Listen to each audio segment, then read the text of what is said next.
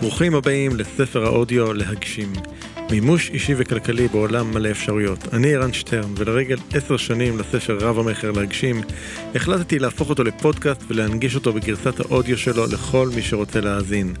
הספר להגשים יפרוס בפניכם את הדרך כיצד להגשים חיים יוצאי דופן, ממלאים ומספקים. ואם כבר קיבלתם השראה ואתם רוצים להגשים יותר בחייכם, ומחפשים את העזרה לעשות את זה, אני מזמין אתכם לתאם איתנו שיחת בהירות, ללא עלות וללא התחייבות. בשיחה הזו נעזור לכם להתמקד ולהבין כיצד לקדם את השינוי בחייכם. לתיאום השיחה ייכנסו לאתר www.ערנסטרן.co.il/doingchange אני אחזור שוב, ערנסטרן.co.il/doingchange האזנה נעימה.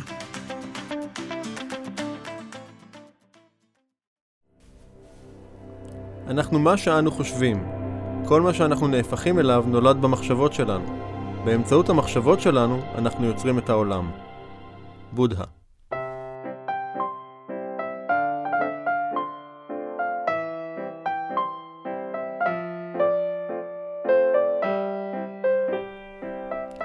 פרק 5 מערכת ההפעלה הסודית שלנו לניהול המחשבות והרגשות בודהה הקדיש את חייו ללמד את תלמידיו להשתחרר מהסבל שעולה מן הפער בין הרצוי לבין המצוי בחייהם. הוא דרש מהם להקדיש את חייהם ללמידה אישית, מתוך התנסות אישית, ולהפסיק להסתמך על דעתם של אחרים, גם אם הם חכמים או כהנים. זו בדיוק הדרך שבה אני ממליץ לכם ללמוד ולהכיר את מערכת היכולות האינטלקטואליות שלכם, מתוך למידה והתנסות אישית. היכולת האנושית לחשוב וליצור מבדילה אותנו מכל בעלי החיים, יש לנו פוטנציאל אינסופי ליצור כל דבר בכוח החשיבה ולהביא למימושו בכוח היצירה. היכולות האינטלקטואליות שלנו הן אלה שמנהלות את המערכת המורכבת הזו של מחשבות ורגשות. בפרק שלפניכם תיחשפו להוראות ההפעלה של המערכת הזו, מערכת שפועלת בחוקיות מושלמת, ובאמצעותה יש ביכולתנו ללחוץ על הכפתורים הנכונים ולהפיק את כל מה שאנחנו רוצים.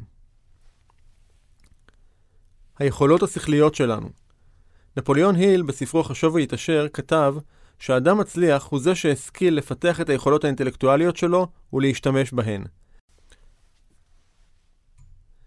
במחקר שערך במשך למעלה מ-25 שנה, גילה היל שהצלחתם של האנשים שחקר לא הייתה קשורה להשכלה שרכשו. הנרי פורד לדוגמה, נחשב בור וחסר השכלה. מידת ההצלחה של אנשים אלה לא הייתה קשורה למוצאם או למצבם הכלכלי, למין או לגיל שלהם. היל חקר מאות אנשים ידועים, אלה מביניהם שהפכו לאנשים המצליחים ביותר בעולם, הודו שבמשך שנים הם פיתחו את היכולות השכליות שלהם. הדרך הפשוטה והמהירה ביותר להשפיע על המחשבות והרגשות שלנו, היא באמצעות הפעלה מכוונת של היכולת השכלית שלנו.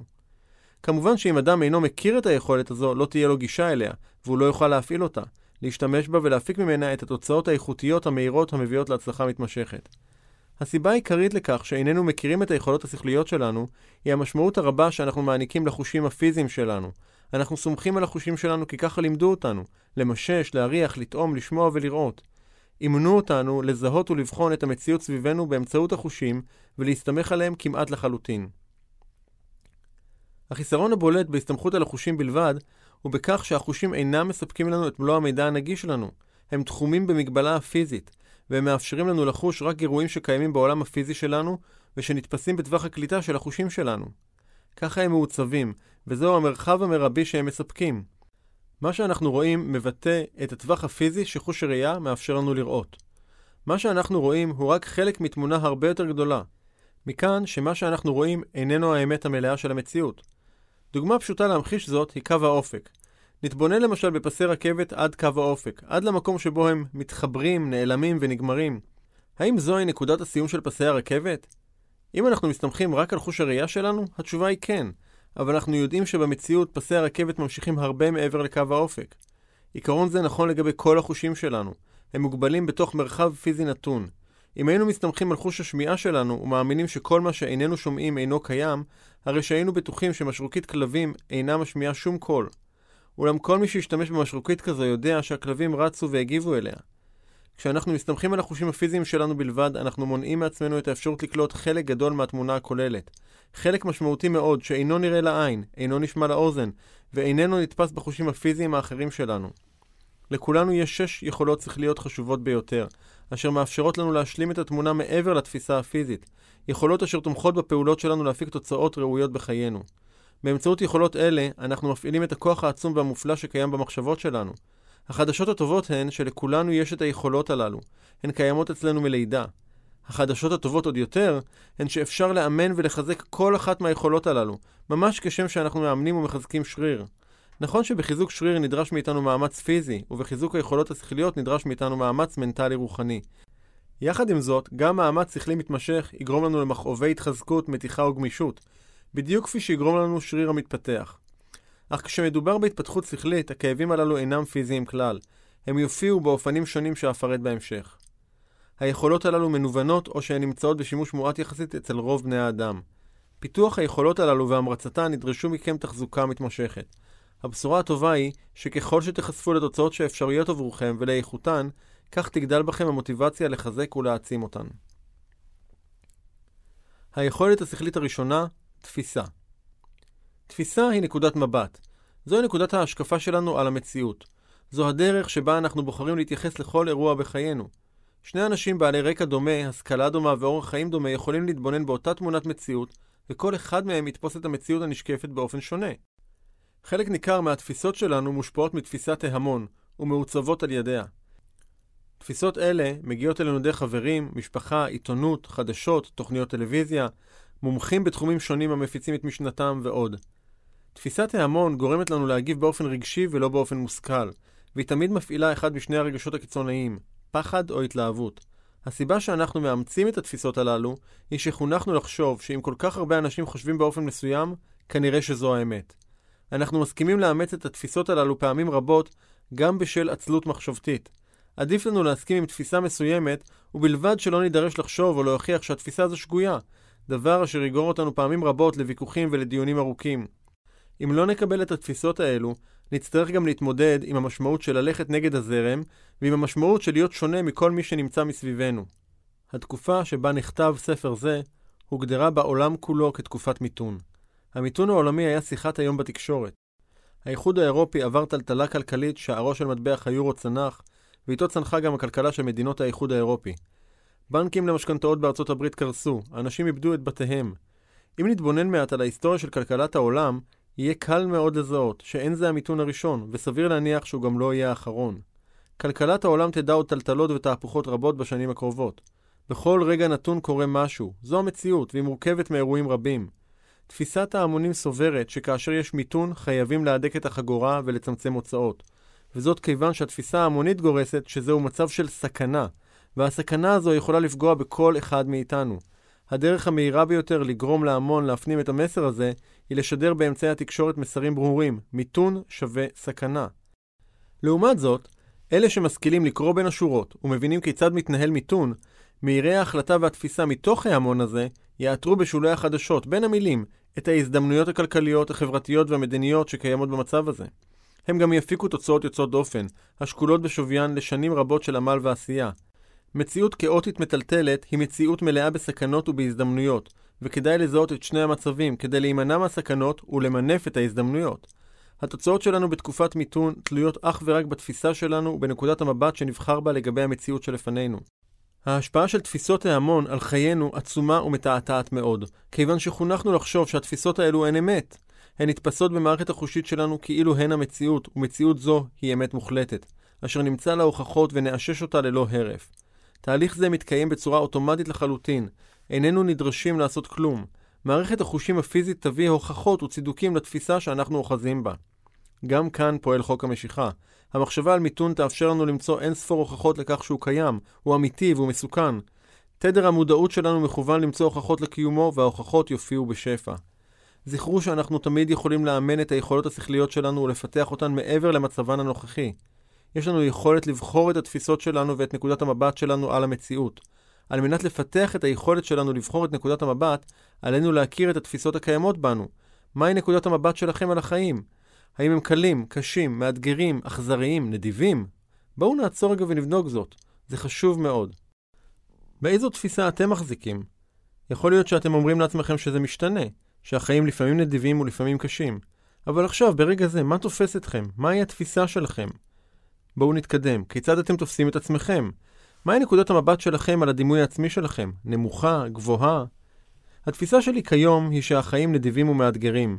עם זאת, רוב חיי לא החזקתי בתפיסה הזו, אלא בתפיסה שהחיים קשים, שיש דברים שצריך לעשות, שבכל רגע יכול לקרות משהו איום ונורא, שהסביבה תמיד תחרותית, ושכאשר אדם אחד משיג הישג כלשהו, בהכרח יהיה מי שייפגע מכך. מתוך תפיסות אלה, המציאות שלי הייתה מציאות של מאבק מתמשך והתמודדות יומיומית מעיקה.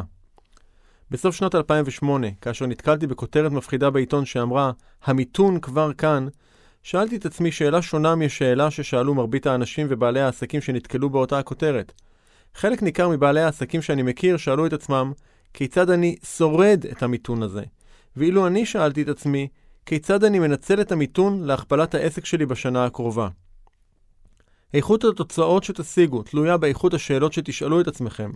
מאחר ששאלתי את עצמי שאלה מסוג זה, התחלתי לקבל תשובות ורעיונות לפעולה. פעלתי בהרמוניה עם החוקים, והפעולות הללו הביאו לכך שבשנה הזו, שנה של מיתון, לא רק שהכפלתי את ההכנסות של העסק שלי, אלא אף שילשתי אותן. לעומת זאת, באותה תקופה בדיוק, פגשתי בעל עסק שהתלונן בפניי על המיתון שהוא חווה. הוא סיפר לי שהוא נאלץ לפטר שני עובדים בגלל המיתון. ניסיתי לברר אם התוצאות הכלכליות שלו אכן משקפות מיתון, ולהפתעתי תשובתו הייתה, לא, המספרים מצוינים. אז למה פיטרת שני עובדים? שאלתי אותו. והתשובה הייתה, כי רואה החשבון שלי אמר שעכשיו זה זמן טוב לפטר עובדים. אתם ודאי יכולים לראות כיצד אותו בעל עסק גזר על עצמו מיתון במו ידיו. הוא פיטר שני עובדים, כך שיש לו כעת שני עובדים פחות שיעסקו בשירות, שיווק או ייצור, מה שיגרום לכך שהשירות שלו ייפגע, השיווק שלו ייחלש, לקוחות יעזבו וחדשים לא יגיעו, ההכנסות ירדו, והוא יוכל להסתכל על כל אלה ולומר לעצמו, הנה, זו ההוכחה לכך שפעלתי נכון כשפיטרתי את העובדים, המיתון הזה נורא. במקום לפעול על פי תפיסת ההמון וההפחדות של התקשורת, אנחנו יכולים לבחור את התפיסה שמתאימה לנו ושמקדמת אותנו. ניתן להמחיש איכויות של תפיסה באמצעות מפת דרכים. אני שומר בתא הכפפות של הרכב שלי את מפת העיר תל אביב. המפה משקפת את הפריסה הפיזית של העיר. המפה איננה העיר עצמה, היא תיאור של מכלול הפרטים הפיזיים שלה. באנלוגיה שלנו, התפיסה היא מכלול הפרטים המתארים את המציאות, והיא איננה המציאות עצמה. במשך מספר שנים החזקתי בתא הכפפות במכונית שלי מפה של העיר תל אביב, שעודכנה בשנת 1998. מהי לדעתכם הסבירות שאגיע בקלות למחוז חפצי בתל אביב? מניסיון, הסבירות קטנה ביותר. למה? כיוון שהעיר או המציאות השתנו מאוד מאז. המפה, תמונת המציאות שאני מחזיק, אינה מעודכנת, וכתוצאה מכך גם אינה יעילה ואינה מקדמת אותי כרצוי. לפני כמה שנים החלטתי לעזוב את עבודתי כשכיר ולצאת לחיי עצמאות כלכלית. ההחלטה נבנתה בתוכי, בעוד אשתי ויקי תומכת בי ומעודדת אותי. כאשר המהלך הבשיל בי והושלם בי, הגיע הרגע לספר להורים. לא אשכח את הרגע הזה כל חיי. מעבר לכך שבמפגש הזה גיבשתי תפיסה חדשה על עתידי, יכולתי לראות מופע חי של התפיסות שניהלו את חיי עד כה. סיפרתי להוריי בלהט על התוכניות שלי לעתיד הקרוב, עתיד שראיתי באופן חד וברור. הם האזינו בקשב רב, ובלשון המעטה הם לא התלהבו. הם חשבו שאני עושה טעות שאצטער עליה בעתיד. אבי היה המום מכך שאני מוכן לוותר על קביעות, כיוון שקביעות במקומות עבודה הופכת לנדירה בימינו, ולא משנה כמה איכותי וחרוץ אתה. התפיסה שלו הייתה שעליי להחזיק בעבודה הקבועה הזו עד שאפרוש לגמלאות. המפה שאבא שלי החזיק לא טעמה את תפיסת המציאות שלי. יכולתי לראות כיצד במהלך שנותיי כשכיר, אחזה בי תמונת המציאות שנוצרה מהתפיסה, קביעות שווה ביטחון ויציבות, וכיצד שרטטתי את הנתיבים החדשים של התפיסה החדשה, עצמאות שווה ביטחון ויציבות. הבנתי שאני האחראי העיקרי והבלעדי על היציבות והביטחון הכלכלי שלי ושל משפחתי. המהלך שעשיתי מהיות עובד שכיר ברמה גבוהה לבעל עסק עצמאי ומצליח ומשגשג, עורר התנגדות עזה גם בין החברים שלי ובני המשפחה הקרובה. אמרו לי שאני מסתכן באופן בלתי אחראי, והזכירו לי את הסטטיסטיקה, ש-95% מהעסקים לא שורדים את חמש השנים הראשונות. חלק מתפיסות אלה היו פעם גם התפיסות שלי, ובחרתי בתפיסות חדשות על מנת לפרוץ את דרכי לעצמאות. גם אני ידעתי שאהיה חלק מהסטטיסטיקה הזו, אבל החלטתי להיות בצד השני שלה. אני אהיה בין החמישה אחוזים המצליחים, כי סיגלתי לעצמי תפיסה כזו. בואו נמשיך להשתמש במפה להמחשה. הנה מאסתי סוף סוף במפה הישנה ואני רוכש את המפה העדכנית ביותר של העיר תל אביב, אלא שאני מניח אותה בתיק הנסיעות שלי וממריא לנסיעת עסקים בניו יורק. איזו תועלת תביא לי מפת העיר תל אביב בעיר ניו יורק? האם אני יכול להיעזר בה על מנת להגיע ליעדים שלי? ברור שלא וברור גם מדוע. המפה שאני מחזיק אינה שימושית עבור היעד שאני רוצה להגיע אליו, היא אינה רלוונטית למציאות שסביבי. למעשה הסביבה שלי חשבה שיצאתי לניו יורק, כשבתיק הנסיעות שלי אני מחזיק את מפת העיר תל אביב, מבלי לדעת אפילו שהמפה העדכנית של ניו יורק קיימת ובת השגה. הם גם לא ידעו שבדרך לניו יורק כבר רכשתי מפה עדכנית של ניו יורק. באותו זמן אמנם הכל היה חדש עבורי, אבל ידעתי שבידיי המפה הנכונה לעיר שבה אני מסתובב, ושאמצא את הדרכים המדויקות, הבטוחות והמהירות להשגת היעדים שלי. תפיסות חדשות אלו הביאו לכך שאנשים חדשים הופיעו בחיי. הסביבה שלי השתנתה. פתאום מצאתי את עצמי מוקף באנשי עסקים מצליחים, ביזמים הפועלים לבניית עסקים משגשגים. מצאתי את הספרים, הקורסים, המנטורים, והידע שנדרש לי כדי להגשים ולהשיג את היעדים שהצבתי לעצמי.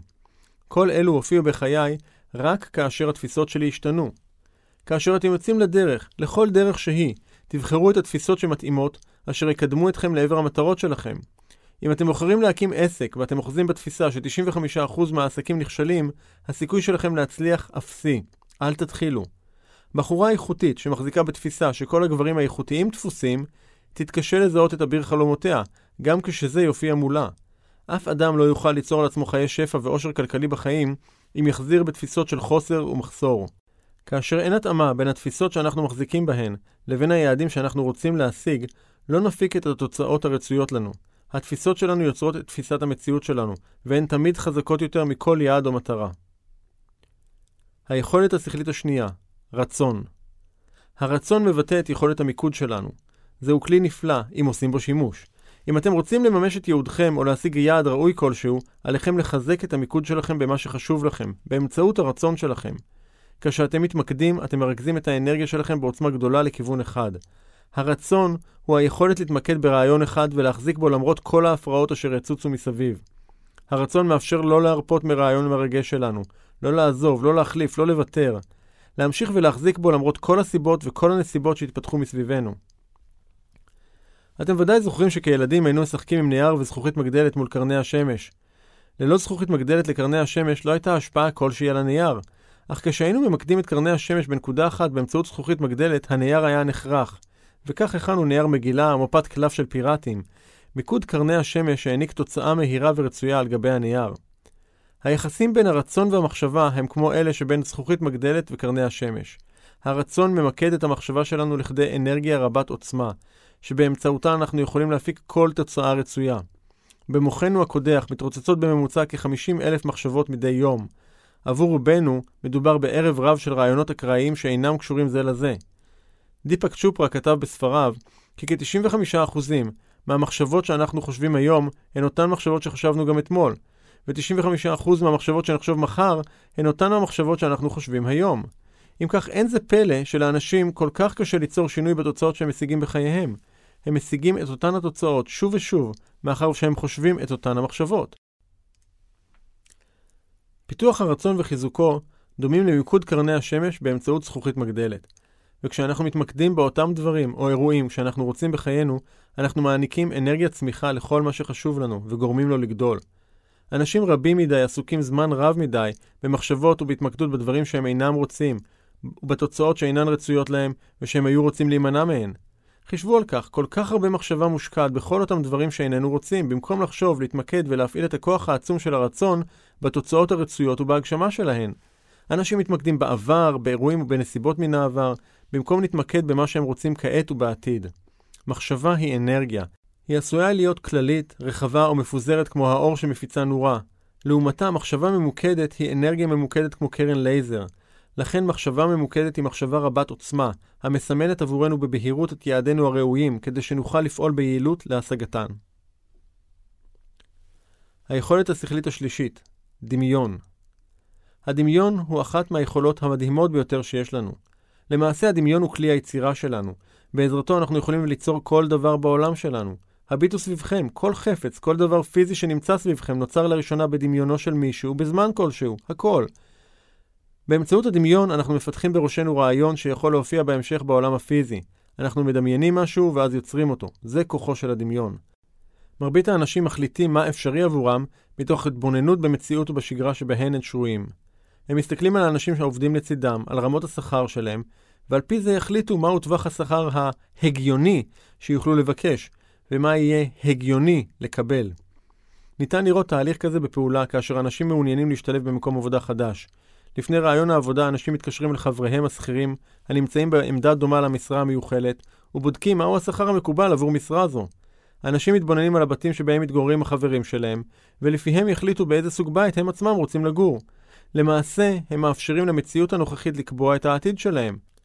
הם מאפשרים לתוצאות שהסביבה מקבלת להכתיב את התוצאות שלהם, ומאותה נקודת זמן לשלוט בתוצאות שהם ימשיכו לקבל בעתיד. באופן זה הם למעשה מקבעים את התוצאות הנוכחיות שהם משיגים בעתיד שלהם. טעות זו נפוצה כל כך, עד שניתן לחשוב שזו הדרך להצליח ולהתקדם בחיים. אל תעשו את הטעות הזו בתחומים החשובים לכם, ועבור היעדים החשובים לכם. אל תיתנו לעובדות לבלבל אתכם או להכתיב לכם. העובדות משתנות כל הזמן, ובשל כך גם המציאות סביבכם משתנה כל הזמן. העובדות שהיו ידועות לבני האדם לפני מאה שנה, בתחומי חיים רבים, היו מזעריות, ואורך חייהם נראה פרימיטיבי ביחס לימינו. בנוסף על כך, עובדות רבות שהיו קיימות בעבר, הוכחו בהמשך כשגויות. כאשר הנרי פורד פיתח וייצר את המכונית הראשונה המונעת על ידי מנוע בוכנות, הוא לא תפס את המציאות הנוכחית כנתון קיים, כעובדה שאין לשנותה. אם היה עושה כן, ודאי היה אומר לעצמו, טוב, אם אין רכבים מונעים על ידי מנוע בוכנות כיום, כנראה שזהו סימן לכך שאין בהם צורך, או שאין דרך להמציא ולייצר אותם. הוא לא הסתכל סביבו על הכרכרות והעגלות שהיו קיימות באותו הזמן ואמר לעצמו, זו כנראה הדרך היחידה להגיע מיעד אחד למשנהו. להפך, פורד דמיין את המנוע ואת המכונית, והתמיד בחיפוש פתרונות גם לאחר אין ספור ניסיונות שכשלו. הוא לא הפסיק לנסות, עד שהצליח להתניע את המכונית הראשונה. היא נבראה ונוצרה קודם כל בדמיון שלו, ורק אחר כך במציאות הפיזית. כל דבר בעולמנו נוצר פעמיים, פעם ראשונה בדמיון ופעם שנייה במציאות.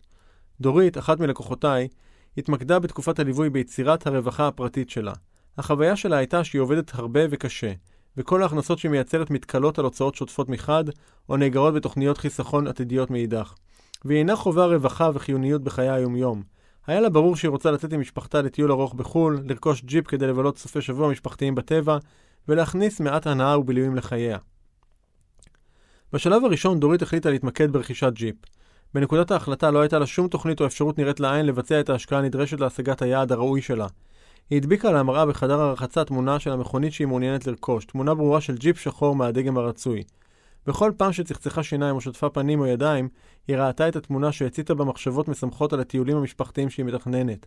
ההרגשה שלה הייתה טובה, והתחילה לבחון דרכים אפשריות למימון המכונית. כעבור כשלושה חודשים דורית הודיעה לי שהיא רכשה את המכונית, וכבר בשבת הקרובה תצא עם משפחתה לבילוי בטבע.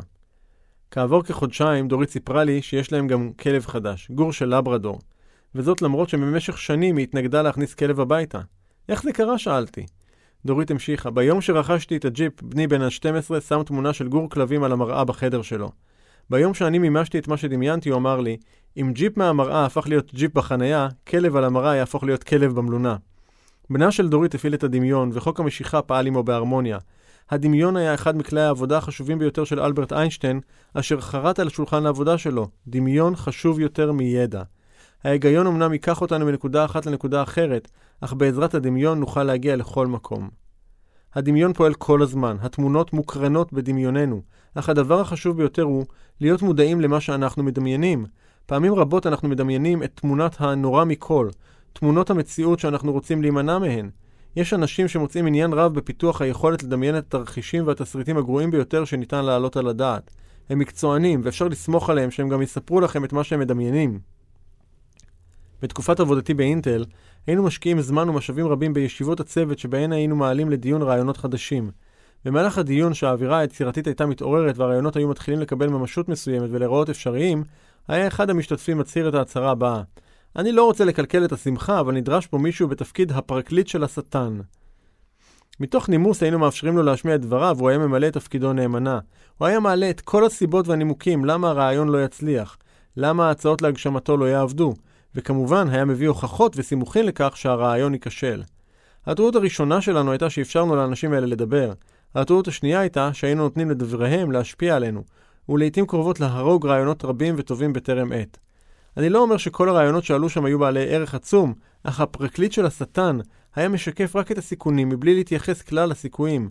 הוא דמיין את הנורא מכל, ועבורו הנורא מכל הייתה האפשרות היחידה, מעולם לא הבנתי את האנשים הללו. למה להרוג רעיונות צעירים? במקום להתמקד בדברים שאינכם רוצים, כמו בעיות, תקלות, משגים או סיבות לכישלון, השתמשו בדמיון למטרה שלשמה נועד, ליצור משהו חדש בחייכם. כילדים נהגנו לדמיין כל הזמן. נסו להיזכר בתקופה המופלאה של גיל 5 או 6, התקופה שבה היינו מסוגלים לדמיין הכל, שיחקנו משחקי דמיון, היו לנו חברים דמיוניים. עבור רובנו, תקופה זו הסתיימה כשהושיבו אותנו על ספסל לימודים, ופגשנו במשפט שלום כיתה א'. כנראה שהמשפט הבא הוא להתראות דמיון. כשהגענו לכיתה א' אמרו לנו להפסיק לחלום ולהתחיל להקשיב ולהתרכז. אני זוכר את יום ההורים שבו פגשנו בפעם הראשונה את מורתנו של בני האמצעי, לקראת מחצית השנה בכיתה א'. המורה טענה כי לילד יש בעיה, הוא חולמני. ביקשתי שתסביר לי למה היא בדיוק מתכוונת במונח חולמני. ההסבר שלה היה שכאשר היא מדברת בכיתה, נראה שהוא לא מרוכז בדבריה. ביררתי איתה אם החולמנות שלו משפיעה על הביצועים או על ההישגים הלימודיים שלו, ונעניתי בשלילה. שאלתי אם החולמנות הזו מפריעה באופן כלשהו לתפקודם של ילדים אחרים בכיתה או למהלך השיעור, ושוב נעניתי בשלילה. אני לא מבין, אמרתי. תפקודו תקין והישגיו טובים, והוא אינו מפריע לתפקוד הסביבה שלו, אם כך מהי הבעיה? התשובה שלה הייתה ארוכה ומתפתלת, ומה שהבנתי ממנה היה שהילד אמור להקשיב לה בצורה מסוימת. צריכה להיות לו הבעה מרוכזת כלשהי, כי כאשר הוא מקשיב לדבריה ומדמיין בו זמנית, זו חולמנות, וזהו בעיניה דבר לא חיובי. בבתי הספר מלמדים אותנו לחקות התנהגויות נכונות ולשנן חומר, אבל לא מאפשרים לנו ללמוד מתוך עניין ודמיון. הגיע הזמן להחזיר לעצמנו את היכולת המופלאה הזו, ולרתום אותה לקידום המטרה הראויה שלנו. היכולת השכלית הרביעית, זיכרון. זיכרון היא היכולת השכלית המפורסמת והשימושית ביותר. אולי בשל כך היא זוכה לכל כך הרבה תלונות על תפקודה. הזיכרון שלי חלש, יש לי זיכרון גרוע לשמות. פעם היה לי זיכרון טוב. כל אחת מהיכולות השכליות שלנו ניתנות לאימון ולחיזוק. ניתן לפתח ולאמן אותן ממש כמו שאנחנו מאמנים שריר בחדר הכושר. כשאנו מאמנים את הזיכרון, אנחנו נהנים מפירות האימון והחיזוק באופן מהיר. עד לפני שנים ספורות בלבד זכרנו מספרי טלפון של חברים ומשפחה בעל פה. זה היה לפני שהמספרים הללו הפכו לזיכרונות במכשיר הנייד שלנו. שמרנו אותם בזיכרון שלנו לעת הצורך. לפני עידן הטלפונים הסלולריים ידענו לדקלם אותם או לחייג אותם ללא כל בעיה. ובכן הדברים השתנו מאז, והשימוש בזיכרונות המאוחסנים במכשירים הניידים, וכנראה גם התרבות כמות הקווים שבשימושנו, גרמו לנו באופן מודע או לא, לנוון את החלק הזה בזיכרון. כיום אנחנו בקושי זוכרים מספרי טלפון. אנחנו מסתמכים לחלוטין על המכשיר הסלולרי או המחשב שמלווים אותנו כמעט לכל מקום.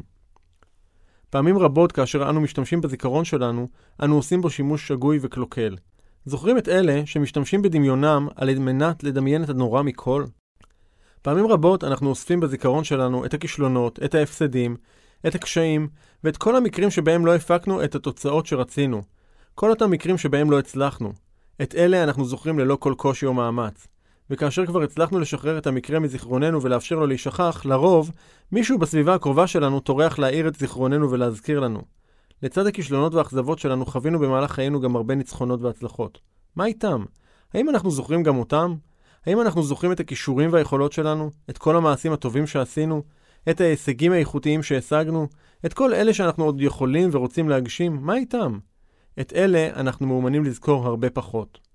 אחת מלקוחותיי, אישה בשם ורדית, יצאה לקריירה עצמאית והקימה חברה חדשה עם שותף. בפרק זמן קצר יחסית, הפעילות שלהם הניבה חוזה עם חברה בינלאומית. ורדית הייתה זו שיצרה את הקשר, ניהלה את המשא ומתן ועשתה את רוב העבודה. מיד לאחר החתימה על ההסכם, היחסים בין השותפים עלו על סרטון. השותף ביקש לפרק את השותפות ולהוציא את ורדית מהפעילות אשר יצרו במסגרת המשותפת. ורדית נפגעה מאוד מהיחס של השותף ומההתנהלות המקצועית שלו, ובמשך התקופה שאחרי הפירוק, היא מצאה את עצמה טרודה במחשבות על כל מה שלא עבד או לא הסתדר, על כל הטעויות שעשתה, ובעיקר שפטה את עצמה בחומרה על כך שנקלעה למצב העסקי הזה. ההתעסקות בכל ההיבטים השליליים של מה שקרה, רוקנה את ורדית מאנרגיה וחיבלה באופן קשה במוטיבציה שלה. ביקשתי ממנה להקדיש מחשבה ולזהות את הדברים החיוביים שקרו, את הטוב שהיה בכל ההתרחשות הזאת. בפגישתנו הבאה ורדית כבר נראתה אחרת. היא הייתה מלאת אנרגיה וחיוניות. היא זיהתה שבמהלך ההתרחשויות ההן התאפשר לה ללמוד על תהליכי עבודה עם חברות בחו"ל, ניהול משא ומתן וניסוח חוזים. היא למדה כיצד לבחור שותפים וליצור הסכמים. מאותו רגע ואילך היא בחרה לזכור את אלה. היא בחרה גם לספר את הסיפור הזה לאנשים בסביבה שלה, כדי שגם בזיכרון שלהם היא תופיע כאשת עסקים מתפתחת, לומדת ומלאת מוטיבציה, ולא כזו שמסדרים אותה, הפגועה והנכשלת. כעבור כשלושה חודשים ורדית מצאה את עצמה מנהלת פרויקט חדש ומשמעותי. שפעילותה בו הייתה מבוססת על הניסיון שרכשה בהתנסות הקודמת. פתחו לעצמכם הרגל יומי לדבר בכל יום במשך שתי דקות לפחות על התכונות הטובות שלכם, על היכולות שלכם, על התרומה שאתם מביאים לסביבה או לעולם. דברו על החוזקות שלכם, הזכירו אותן לעצמכם כל הזמן, התמקדו בלזכור אותן. חישבו לרגע על אירוע שהזיכרון שלכם ממנו הומר. קחו דף ועט וערכו את רשימת ההפסדים שלכם. את כל מה שכואב ומאכזב עבורכם באירוע הזה. פרטו כמה שיותר, העמיסו על הרשימה הזו את כל הפרטים ופרטי הפרטים, כל דבר יהיה עדיף על מה שאתם עושים כעת, מעמיסים את כל זה על הזיכרון שלכם. התבוננו ברשימה שלפניכם ושאלו את עצמכם, מה אני רוצה לזכור מהאירוע הזה? מה אני רוצה לזכור שיקדם את חיי בעתיד?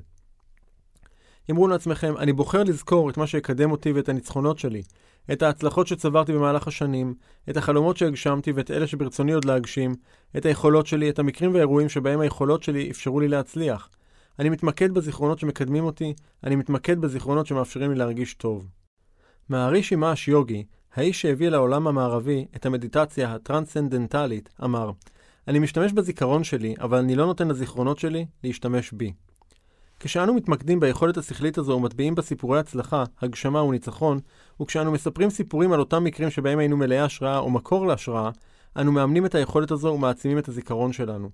חשוב שנשתמש בזיכרון בחוכמה, ונזכור את אותם האנשים שהגשימו את התשוקות והמאוויים שלהם, את אותם אנשים שעשו מעשים מעוררי השראה בחייהם, את האנשים שהשפיעו עלינו, את אלה שהוכיחו לעצמם ולכולנו מהי היכולת האמיתית של האדם והמין האנושי. השתמשו בזיכרון שלכם על מנת להזכיר לעצמכם מי אתם, מה כבר הגשמתם בחייכם, מהם החלומות שלכם ומה חשוב לכם באמת. כך תגלו שאתם משתמשים בזיכרון שלכם כשאתם צריכים אותו, אבל אינכם מאפשרים לזיכרון שלכם להשתמש בכם בשום אופן. יש לנו אפשרות לשלוט בתמונות שעולות מהזיכרון, כך שנוכל להימנע מיצירת תחושה לא נעימה או מהעלאת זיכרונות לא נעימים באופן שאינו מקדם אותנו. יש לנו אפשרות לבחור, ועלינו לחזק את היכולת הזו. עלינו לבחור את הזיכרונות שאנו מעלים לפי ההקשר שבו אנחנו מעלים אותם, ובכך לבחור במה אנחנו מתמקדים בחיינו, כי כל מה שאנחנו מתמקדים בו בחיינו, גדל. היכולת השכלית החמישית, אינטואיציה. מרבית האנשים שיודעים מהי אינטואיציה התקשו להסביר אותה. רוב האנשים חושבים שאינטואיציה פועלת באופן מקרי, ושהיא בלתי ניתנת לשליטה. כשהיא מתעוררת היא מתעוררת, וכשלא אז לא. חלק מהאנשים יודעים להגיד שכאשר עליהם לקבל החלטה כזו או אחרת, הם תמיד נעזרים באינטואיציה, ובכל זאת הם לא ידעו להסביר אותה. אינטואיציה היא יכולת לקלוט אנרגיה או רטט בתדר מסוים מאדם אחר או מהסביבה שלנו.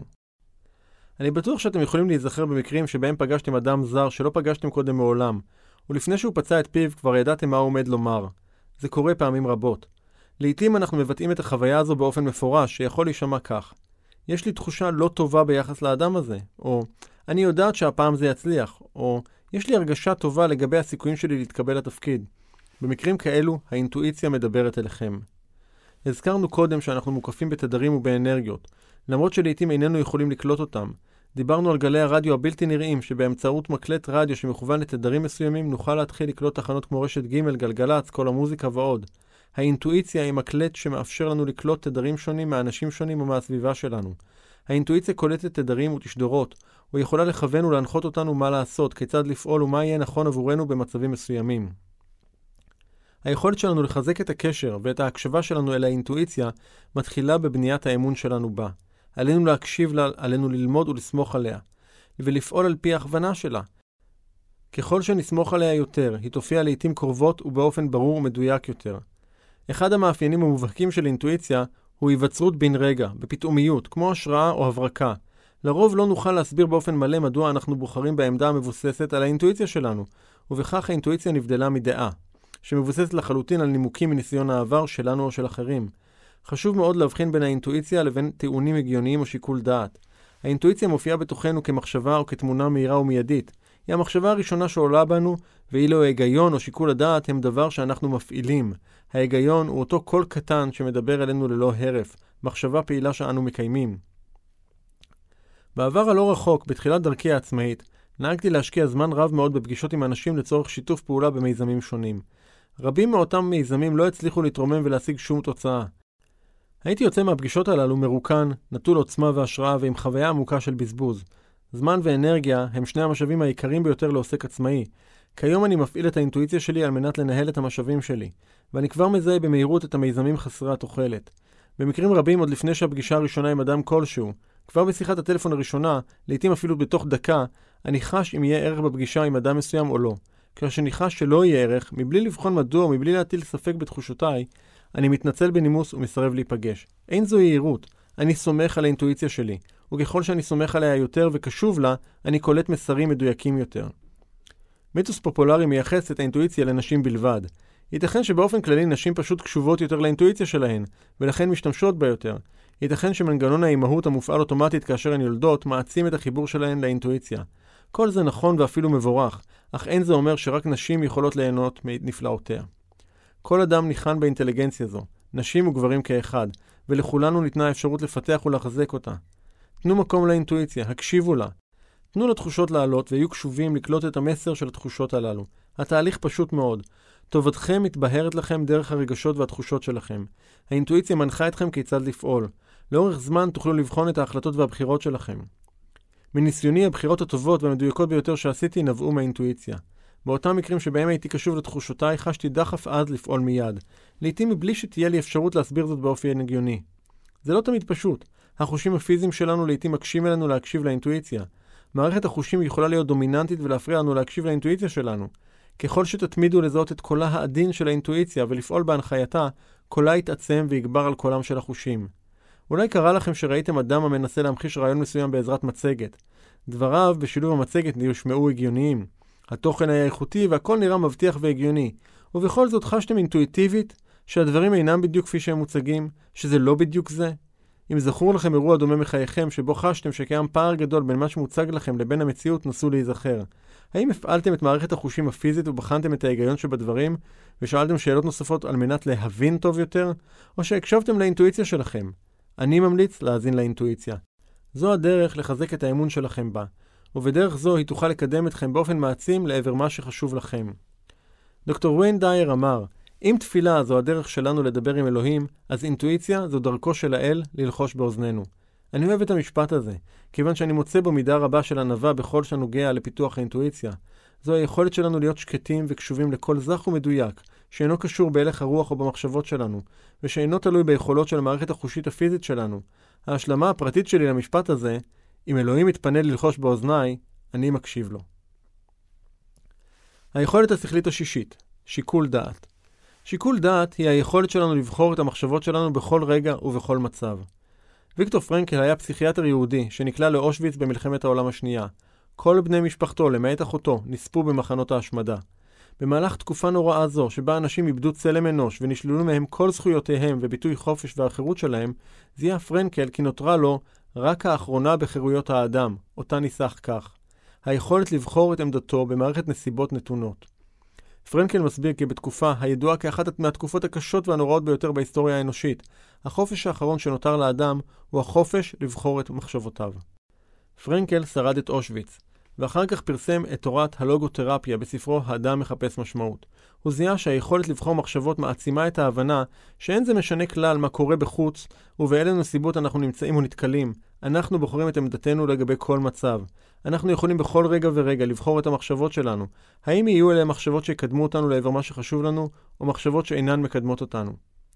בסיום אחת ההרצאות שלי ניגשה אליי אחת המשתתפות ואמרה, דיברת על ויקטור פרנקל ואני רוצה לספר לך שגם סבתי היא ניצולת שואה.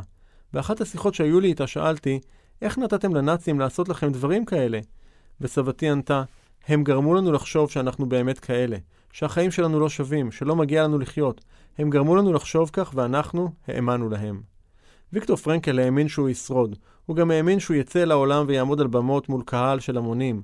אל מול קהל זה הוא מרצה ומלמד את התובנות שזיהה, למד, חקר ואסף במהלך שהותו במחנה הריכוז וההשמדה. הוא האמין שיספר וילמד כיצד שרד, וזה בדיוק מה שקרה. גם אנחנו, כל אחד מאיתנו, בכל רגע נתון, ללא קשר לסיבות או לנסיבות סביבנו, יכולים לבחור את המחשבות שלנו, יכולים לבחור במה להאמין. זה נתון לשיקול דעתנו. זוהי למעשה היכולת המשמעותית ביותר של שיקול הדעת שלנו, לבחור את המחשבות שמקדמות אותנו, לעומת הבחירה האוטומטית, שהיא הכניעה למחשבה ההמונית, ולרוב כוללת דפוסי חשיבה שאינם מקדמים אותנו. מערכת הניווט הרגשי חוק התנודה אומר שאנחנו נמצאים בתנועה מתמדת, תנודה פיזית, רגשית ומנטלית. הרגשות שלנו מתארים את התנודה שבה אנו נמצאים. המחשבות שאנחנו בוחרים באופן מודע משפיעות על התדר של הגוף שלנו, על התנודה שבה אנחנו נמצאים. אנחנו מתארים את התנודה הזו על ידי רגשות. המילה רגש באנגלית היא emotion, וניתן להגדיר אותה גם כ-energy in motion, כלומר אנרגיה בתנועה. אנחנו יכולים להשתמש ברגשות שלנו ממש כשם שמשתמשים במכשיר ניווט. מכשיר הניווט המוכר לכולנו הוא ה-GPS, אז בואו נעזר במכשיר הניווט הפופולרי כדי להדגים את פעולתה של מערכת הניווט הרגשית. תארו לעצמכם שאתם נוסעים לכיוון יעד מוגדר ומאפשרים למערכת הניווט לכוון אתכם. במהלך הנסיעה אתם טועים ופונים שמאלה במקום ימינה. מערכת הניווט תיתן לכם משוב מיידי על הטעות, ותודיע כי היא מחשבת את המסלול מחדש. וזאת על מנת לתקן את מסלול הנסיעה שלנו, ולאפשר לנו להגיע בדרך הקלה ומהירה ביותר למחוז חפצנו. מכשיר הניווט הפנימי שלנו הוא מערכת הרגשות שלנו. הרגשות נועדו לכוון אותנו ולהגיע בדרך הקלה, הפשוטה, הנוחה והמתאימה ביותר עבורנו אל היעדים שלנו. את המרחב הרגשי שלנו, הכולל את כל מגוון הרגשות שביכולתנו להרגיש, נוכל לסווג לשתי קבוצות. רגשות נעימים ורגשות מעיקים. קחו כל רגש שהוא, שנאה, קנאה, התרגשות, תשוקה, אהבה, כעס, ציפייה, תסכול וכדומה. כל אחד מאלו ניתן לסווג כרגש נעים או מעיק, חיובי או שלילי. בכל רגע נתון יש לנו יכולת לבחון איזה מהרגשות שלנו פעיל. מה אני מרגיש כעת? היכן אני ממוקם רגשית? האם הרגשות הפעילים כעת הם רגשות נעימים או מעיקים, שמחים או עצובים? ואילו רגשות יש לי לגבי הרגשות שלי, נעימים או קשים? כשאנו משיבים על שאלות אלה, נוכל לזהות במהירות היכן אנו נמצאים. זה הכרחי, כיוון שנקודת הימצאותנו היא אחת משתי הנקודות בחישוב המסלול שלנו. הנקודה השנייה היא נקודת היעד.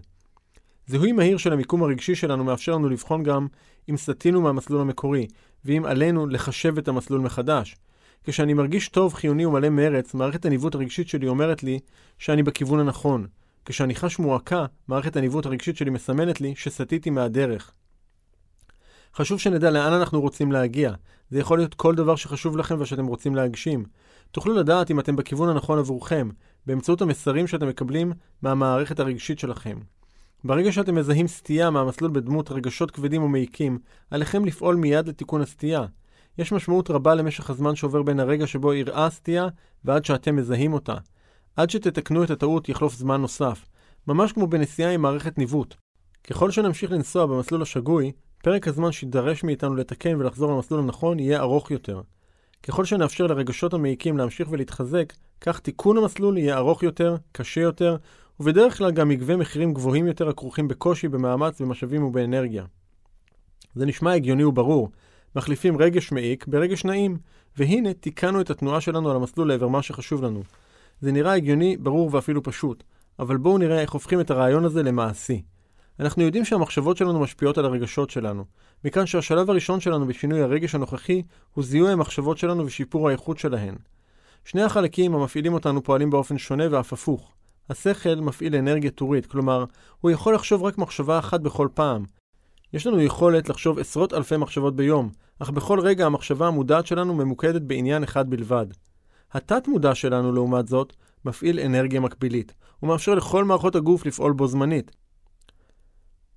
אנו חושבים בשכל המודע שלנו, ויכולים לחשוב רק מחשבה אחת בכל רגע נתון. ואם מערכת הניווט הרגשית שלנו התריעה בפנינו על כך שאנו נמצאים בתדר חשיבה שלילי, יש לנו יכולת להחליף באופן מודע כל מחשבה שלנו במחשבה אחרת שתיצור במהרה רגש חיובי. במכשיר הניווט של הרכב, כל שעלינו לעשות על מנת לקבל מסלול חדש, הוא ללחוץ על הכפתור המתאים. בלחיצה אחת נקבל מסלול אשר ינחה אותנו כיצד להגיע בדרך המהירה והנוחה ביותר אל מחוז חפצנו. במערכת הניווט הרגשית מומלץ שניצור כפתור כזה לעצמנו, כך שבכל פעם שאנו מגלים שסטינו מהמסלול, נוכל ללחוץ עליו ולחזור אל המסלול מחדש. הדרך לעשות זאת היא פשוטה וקלה. חישבו כעת על מחשבה שגורמת לכם להרגיש טוב. חישבו על משהו או מישהו שגורם לכם להרגיש טוב. זה יכול להיות אדם שאתם אוהבים, אירוע משמח מחייכם, שיר שהדליק אתכם, הצלחה גדולה שחוויתם או הערכה שקיבלתם, כל דבר שגרם לכם להרגיש טוב, ושהמחשבה עליו מעצימה אתכם וממלאת אתכם בשמחה ובאנרגיה גבוהה.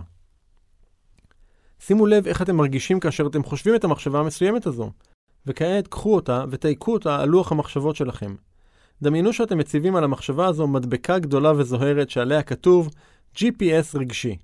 זה הכפתור שלכם ליצירת המסלול מחדש בכל פעם שעולים בכם רגשות שליליים, מעיקים, מעציבים, כאלה שמרוקנים אתכם מאנרגיה וגורמים לכם להרגיש רע. כאשר אתם מבינים שסטיתם את דרככם אל היעד הראוי, חזרו אל המחשבה המעצימה הזו, המסומנת במדבקה הזוהרת. התרכזו בה לפחות 60 שניות, ושימו לב כיצד באופן פלא כמעט ההרגשה שלכם משתנה. דוקטור מסורו אימוטו הוא חוקר יפני אשר חקר במשך שנים ארוכות את השפעתן של מילים, מוזיקה, תרבויות ועוד על המים. המים נחשבים לאחד מארבעת היסודות, אוויר, מים, אש ואדמה. לדברי אימוטו, יסוד המים הוא בעל הקליטה וההטבעה העמוקות ביותר. במחקרו דגם אימוטו דגימות של מים ממדינות ואזורים שונים בעולם, הקפיא אותם וצילם באמצעות מיקרוסקופ את המבנים האנרגטיים שהתגבשו במים. בנוסף הוא מילא בקבוקים במים רגילים, הדביק עליהם מדבקות עם מילים שונות למשך הלילה, ואז הקפיא אותם וצילם את ההתגבשויות שנוצרו. המחקרים שלו הראו כי מילים שונות השפיעו על המים וגרמו להיווצרות גבישים שונים וצורות שונות במים. על בקבוקי מים שונים נרשמו המילים אהבה, חמלה, שלום, תודה, כמו גם שנאה ומוות. המים בבקבוקים שעליהם הופיעו המילים עם המסר החיובי, כמו אהבה ושלום, יצרו גבישים לבנים, סימטריים ויפהפיים בצורת כוכב. לעומתם המים שקיבלו מושגים כמו שנאה ומוות, יצרו גבישים בצורות מעוותות ובצבעים כהים. באופן דומה ובלתי מפתיע, המים שנלקחו מנהר מזוהם הפיקו גבישים עכורים.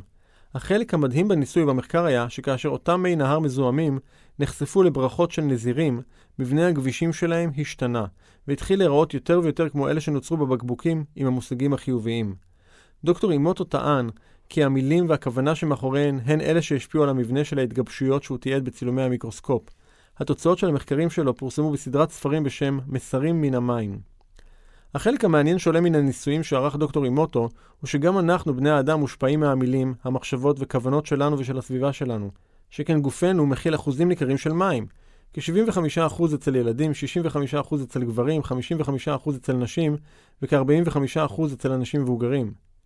במשך ההיסטוריה המתועדת באלפי השנים האחרונות, כל ההוגים, הפילוסופים והמורים הגדולים, כל המנהיגים ואנשי הדת היו חלוקים בדעותיהם על אין ספור נושאים. אבל לגבי נושא אחד כולם היו תמימי דעים. כולם אמרו שאנחנו הופכים לדבר שאנחנו חושבים עליו. לצאת לפעולה. לפעול מתוך רצון. נסו להיזכר בהישג משמעותי שיצרתם בחייכם בעבר. חישבו לרגע, כיצד הרצון שלכם סייע לכם להגיע אל ההישג הזה? באילו קשיים נתקלתם בדרך? וכיצד התגברתם עליהם בעזרת הרצון שלכם? כיצד הרצון שלכם סייע להשיג את התוצאות שרציתם? מה היה עבורכם באותו הישג או יעד שגרם לכם לפעול באופן בלתי מתפשר להשיגו? האם הוא ריגש אתכם מאוד? האם הוא הפחיד אתכם? האם פעלתם כך כי פשוט לא הייתה לכם ברירה אחרת?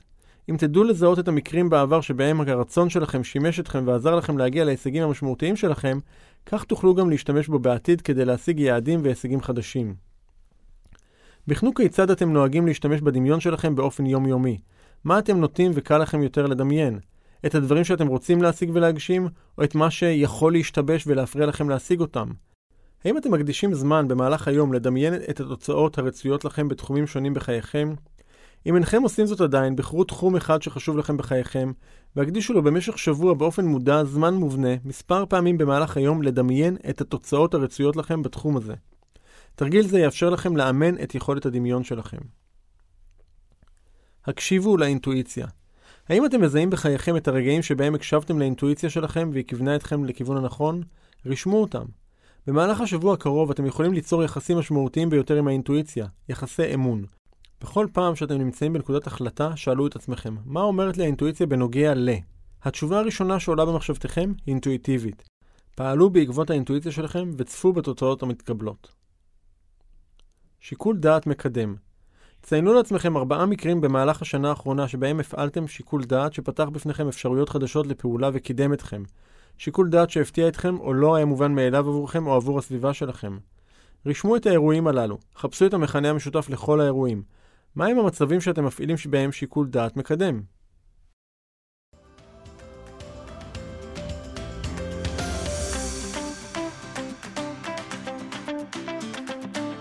זהו, כאן מסתיים הפרק הזה. אם אהבתם אותו, ודאו שאתם מדרגים את הפודקאסט ב iTunes, Spotify, Google Podcast, SoundCloud, YouTube או כל פלטפורמה אחרת שדרכה אתם מאזינים לנו כרגע. ומוזמנים גם לכתוב לי תגובות, מה אהבתם, כיצד אתם מיישמים את העקרונות שבספר, או כל הערה והערה אחרת שיש לכם. מוזמנים לשלוח אליי ישירות למייל, פידבק את ערנסטרן.co.il. וגם, אל תשאירו את כל הטוב הזה רק לעצמכם. בטוח שיש לכם חברים שרוצים גם הם להגשים. שתפו איתם את הפודקאסט הזה, שגם הם יוכלו ליהנות. ומילה אחרונה, אבל חשובה. אם קיבלתם השראה ואתם מרגישים את השינוי בוער בכם, החלטתם שאתם רוצים שינוי ואתם רוצים ומוכנים לעשות את מה שצריך ולא את מה שנוח כדי ליצור את השינוי הזה בחיים שלכם, אני מזמין אתכם לתאם איתנו שיחת בהירות, ללא עלות וללא התחייבות. בשיחה הזו נעזור לכם להתמקד ולהבין כיצד לקדם את השינוי בחיים שלכם. לתיאום השיחה ייכנסו לאתר www.ערנסטרן.co.il/doingchange. אני ערן שטרן, שמח שהאזנתם, ונתראה ונשתמע בפרק הבא.